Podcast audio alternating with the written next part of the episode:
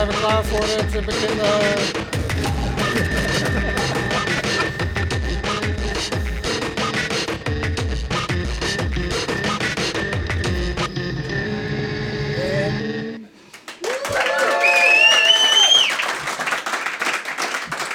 Amsterdam is altijd een fantastisch publiek. Ik zou willen zeggen het beste publiek van Nederland. Dankjewel dat jullie er weer zijn. Top Names on Stage vanuit Music U te Amsterdam. Te gast eh, bij ons is Kim van Velzen. Eh, Kim, je bent van Kimspiration. Ja, Goeie naam. Eh, altijd je eigen naam gebruiken. Ja, is dat Heel- belangrijk ja, eh, ja. in, in deze Google-wereld? En eh, je domein was ook, heb je ook kim.nl ook als eh, domein? Nee, die was er niet meer. dus dus, Kim, Kim, dan nou je het erover hebt, kimvanvelzen.nl. hè? .nl. Ja. Maar als je daar gaat kijken, dan is je laatste blog is uit augustus 2012. Ja, Wat is zo, zo druk heb ik het gehad. Echt waar? ja. Gelukkig heb je nog een Tumblr, hè? Met Ja, en ik blog heel veel inderdaad eh, met eh, foto's. En Ja, eh, op dit op- moment op ook op andere, ja, Ja. en op andere platformen, eh, ook onder andere Food Inspiration. Wij eh missen de horeca, dus eh, ja, er zijn een aantal andere platformen dan mijn eigen site. eh, voor Ja, want dat is, want dat is jouw, jouw, jouw thema, hè? Hospitality zeg je zelf, food en eh, en travel. Ik vind hospitality altijd zo'n mooie naam. Ehm, dat betekent eigenlijk ple- plekken waar mensen komen die, eh, die je welkom heeft. Van hotels tot eh Restaurant, cafés, hier, eh, Music Q inderdaad. overal waar je naartoe gaat om een hele leuke tijd te hebben. En kom jij nou overal binnen dat je denkt van nou, deze mensen zijn totaal...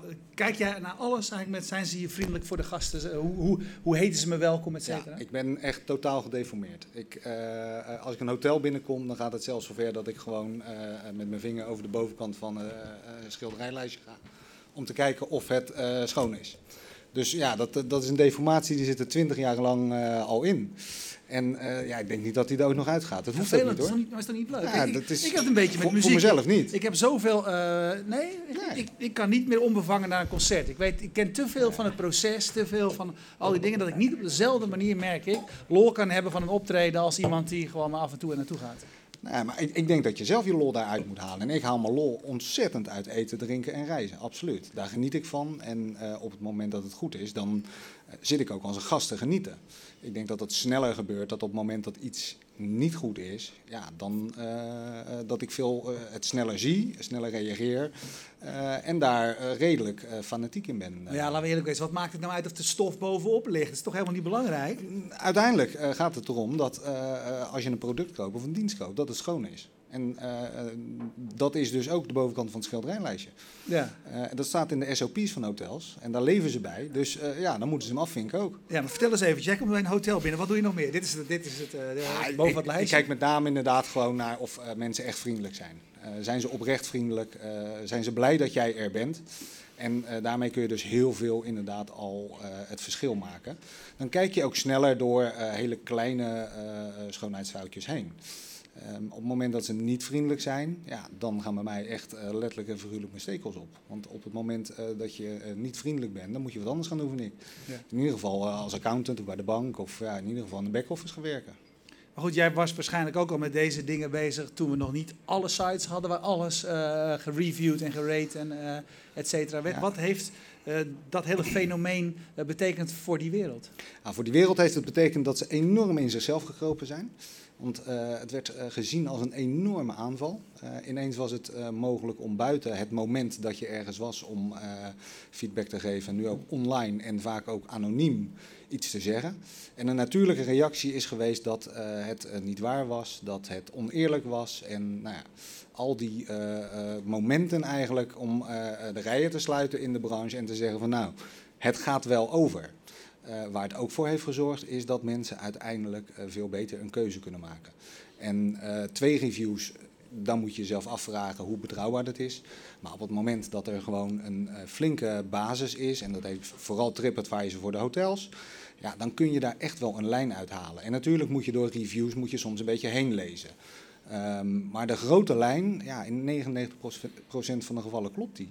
En dat zorgt ervoor dat je beter je keuzes kan maken En dat het product beter is geworden. En hoe, eh, met dat specialisme van jou, hoe verdien je daar je geld mee op dit moment? Ik eh, adviseer bedrijven eh, onder andere hoe zij heel praktisch trends uit de food- en hospitality-wereld kunnen en toepassen. wat voor bedrijven zijn dat? Dat is op dit moment een filmhuis in Rotterdam.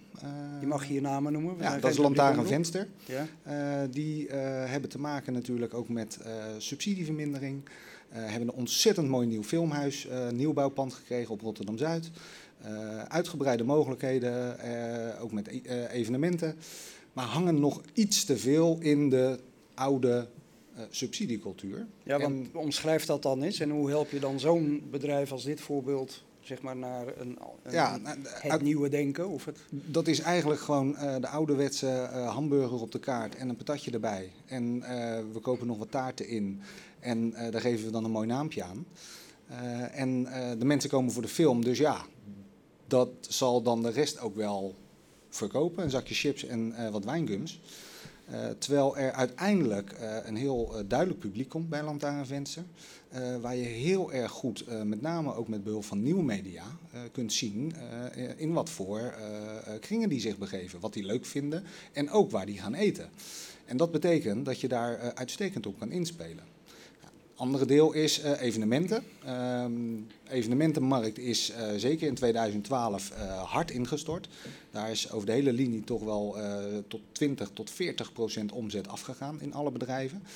Ehm, dat betekent dat je heel hard moet vechten voor die omzet. En daar staat dus een nieuwbouwpand met alle faciliteiten, technisch die je maar kan bedenken. En eigenlijk weet bijna niemand dat. En de, de, de traditie is eigenlijk van nou, het komt wel. En nou ja, als we subsidie hebben, dan wachten we totdat het komt. Ja, die turn die moet wel gemaakt worden.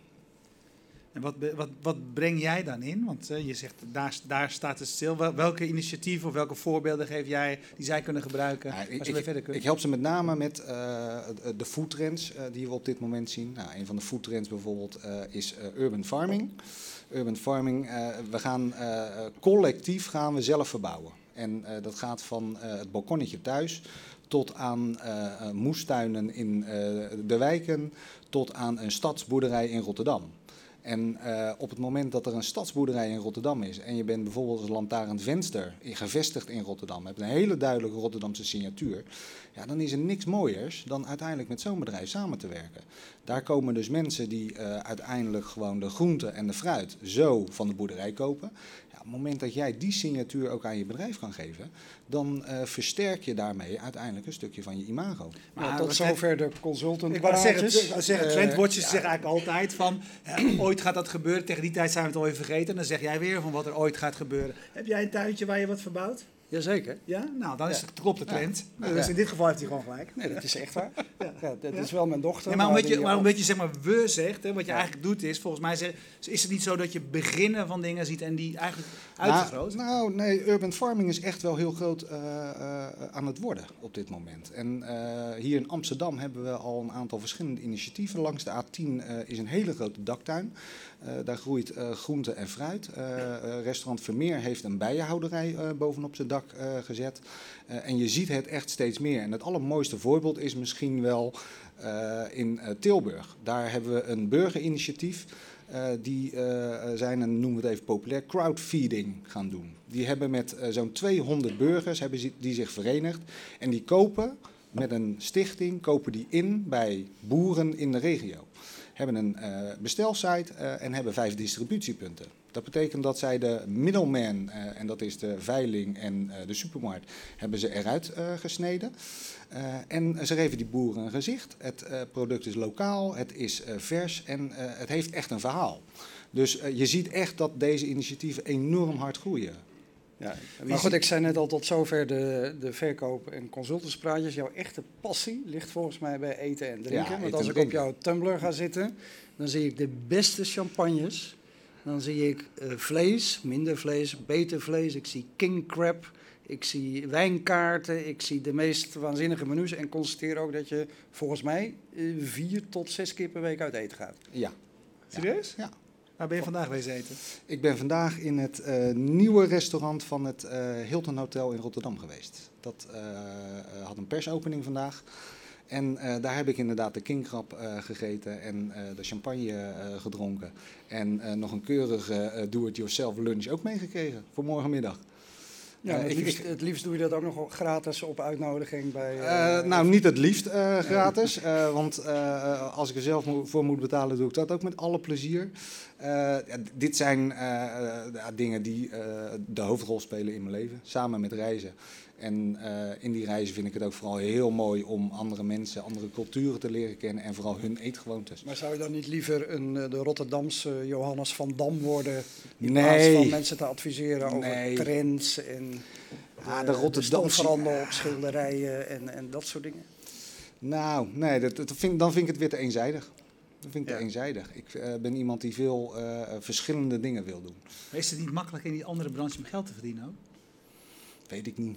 Nooit geprobeerd. Je hebt nooit Nee. geprobeerd om meer... eh, Food Next is, is waar je eh, Ja. voor, eh voor blogt. Waar, Ja. waar gaat het dan over? Je doet geen, geen recensies daar, gaat het over trends. ja, Fo- Food Next gaat vooral over wat gebeurt er inderdaad aan online initiatieven in de foodindustrie. En dat is vooral het laten zien van met name buitenlandse initiatieven. Want dat zijn toch wel de koplopers daarin. Dus laat zien wat in het buitenland gebeurt en wil mensen in Nederland mee inspireren. Ja, ja, prikkelen, inspireren, eh, soms wakker schudden. eh, en soms eh, vinden we ook een heel mooi Nederlands voorbeeld. Ja? Wat, is, wat is het mooiste Nederlands voorbeeld dat je kent? Als, je naar, als iemand uit het buitenland komt en die vraagt wat is er aan Nederland aan, aan de hand, waar, waar wijs je ze op? Waar zijn wij heel goed in? Ja. Wij zijn heel erg goed, en dat is niet per se online, maar het is wel een waanzinnig mooie innovatie. Plantlab. En dat is een bedrijf wat het kweken van groente en fruit totaal anders benadert. Eh, de optimale kweekomstandigheden. En de optimale kweekomstandigheden. Eén ding is zeker eh, uit onderzoek: dat licht, gewoon normaal daglicht, is heel slecht voor groenten. Eh, daar groeit het niet snel genoeg van en daar krijgt het niet genoeg vitamines, kan het opnemen. Die hebben dus een hele omgeving gecreëerd met onder andere paars licht, ledlampen. En eh, daardoor eh, kan bijvoorbeeld een radijs, waar normaal een kweektijd van vijf weken voor staat, die anderhalve centimeter aan doorsnee is, die kan in drie weken tijd drie centimeter groot worden, waarbij ook het blad nog eetbaar is. Wat normaal gesproken, als je het in de supermarkt koopt, niet mogelijk is. Daarmee eh, zorgen er dus voor dat het fruit en, en de groenten veel meer vitamines hebben, veel meer voedingsstoffen hebben. Het gaat sneller. En waar ze aan werken is aan het stapelen eigenlijk van verbouwen. Dus dat betekent dat we niet meer horizontaal gaan verbouwen, maar we gaan omhoog. Dus de- we gaan ziet gewoon tien Wat- Wat lagen. gebeurt er in die lagen? In, in die lagen zit dus inderdaad uiteindelijk gewoon een simpele bak met eh, eh, een soort hydrocultuur. En die wordt in die eh, volledig beschermde omgeving onder de ideale lichtomstandigheden, daar wordt het gekweekt. En de eerste farm daarvan, Vertical Farm, die staat in Singapore. Dat is dan wel weer mooi. Die Aziaten pikken alles. De technologie, de kennis komt uit komt, Brabant. Ja, die komt uit Koreaan kan het eh, weten. Ja, eh, die, Daar kom je toch eh, ja, ik kom oorspronkelijk uit. Korea inderdaad. Ja. En die stelen alles. En die weten dat dan op schaalbare manier zo de wereld in te sturen. Ja. En dat vind ik wel een van de allermooiste, want daarmee eh, eh, wordt ook echt een bijdrage in de toekomst geleverd aan de voedselproblematiek, aan eh, de problematiek dat we te veel water gebruiken, te weinig land hebben om uiteindelijk straks 9 miljard mensen te gaan voeden. Want dat gaat op enig moment mis in onze wereld. Dus ja, ik denk dat dit soort bedrijven die heel erg in de lulte, dus ook niet online heel sterk aanwezig hoeven zijn, maar dat dit wel hele belangrijke innovaties worden. Oké, je hebt nu een kwartiertje hier aan de bar gestaan in de Music U van een half uurtje. Wat is je oordeel? Hele vriendelijke mensen. En dat is altijd het belangrijkste uitgangspunt.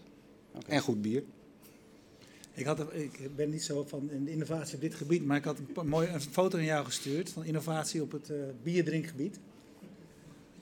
Het voorbeeld Ja, van het stapelen van die glazen die, was, was fantastisch. Ik was in Groningen en daar liepen allemaal mensen met drie glazen bier aan elkaar zo te drinken.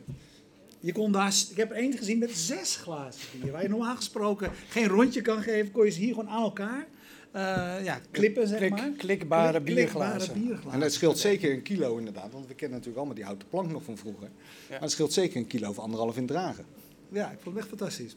Nou, super. Ehm, je zei van, nee, je, hebt, je hebt die drie gebieden. Uh, als we je zo horen praten, zeg je, zeg je eigenlijk eten en reizen zijn mijn allergrootste uh, ja. uh, passies. Um, je zei, maar wat doe je dan? Um, nou ja, reizen zou je kunnen zeggen, dat, dat is een hobby. Maar wat doe je daarmee in je werk? Ja, daar kom je dus ontzettend veel nieuwe foodconcepten tegen.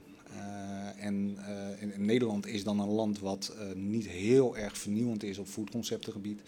Uh, op dit moment uh, is het Azië en uh, ja, van oudsher natuurlijk New York, San Francisco en heel veel gebeurt er ook in Las Vegas. ondanks al het gokken. Maar daar gaan alle grote chefs naartoe, dus daar gebeurt ontzettend veel aan foodinnovatie. Um, en ja, het leven en de cultuur in relatie tot eten, dat, dat inspireert me enorm, dat intrigeert me. En ik ben iemand die alles wil proeven. Welke dingen denk jij nog die vanuit het buitenland naar Nederland gaan komen, die hier nog niet ingeburgerd zijn, maar die jij wel daar gezien hebt? De, de echte grote opkomst nu uh, uh, komt uit Korea. Kimchi, dat kennen we allemaal, die gefermenteerde uh, Koreaanse kool. dat gaat, daar ga je dit jaar helemaal doodgegooid mee worden. Um, en dat,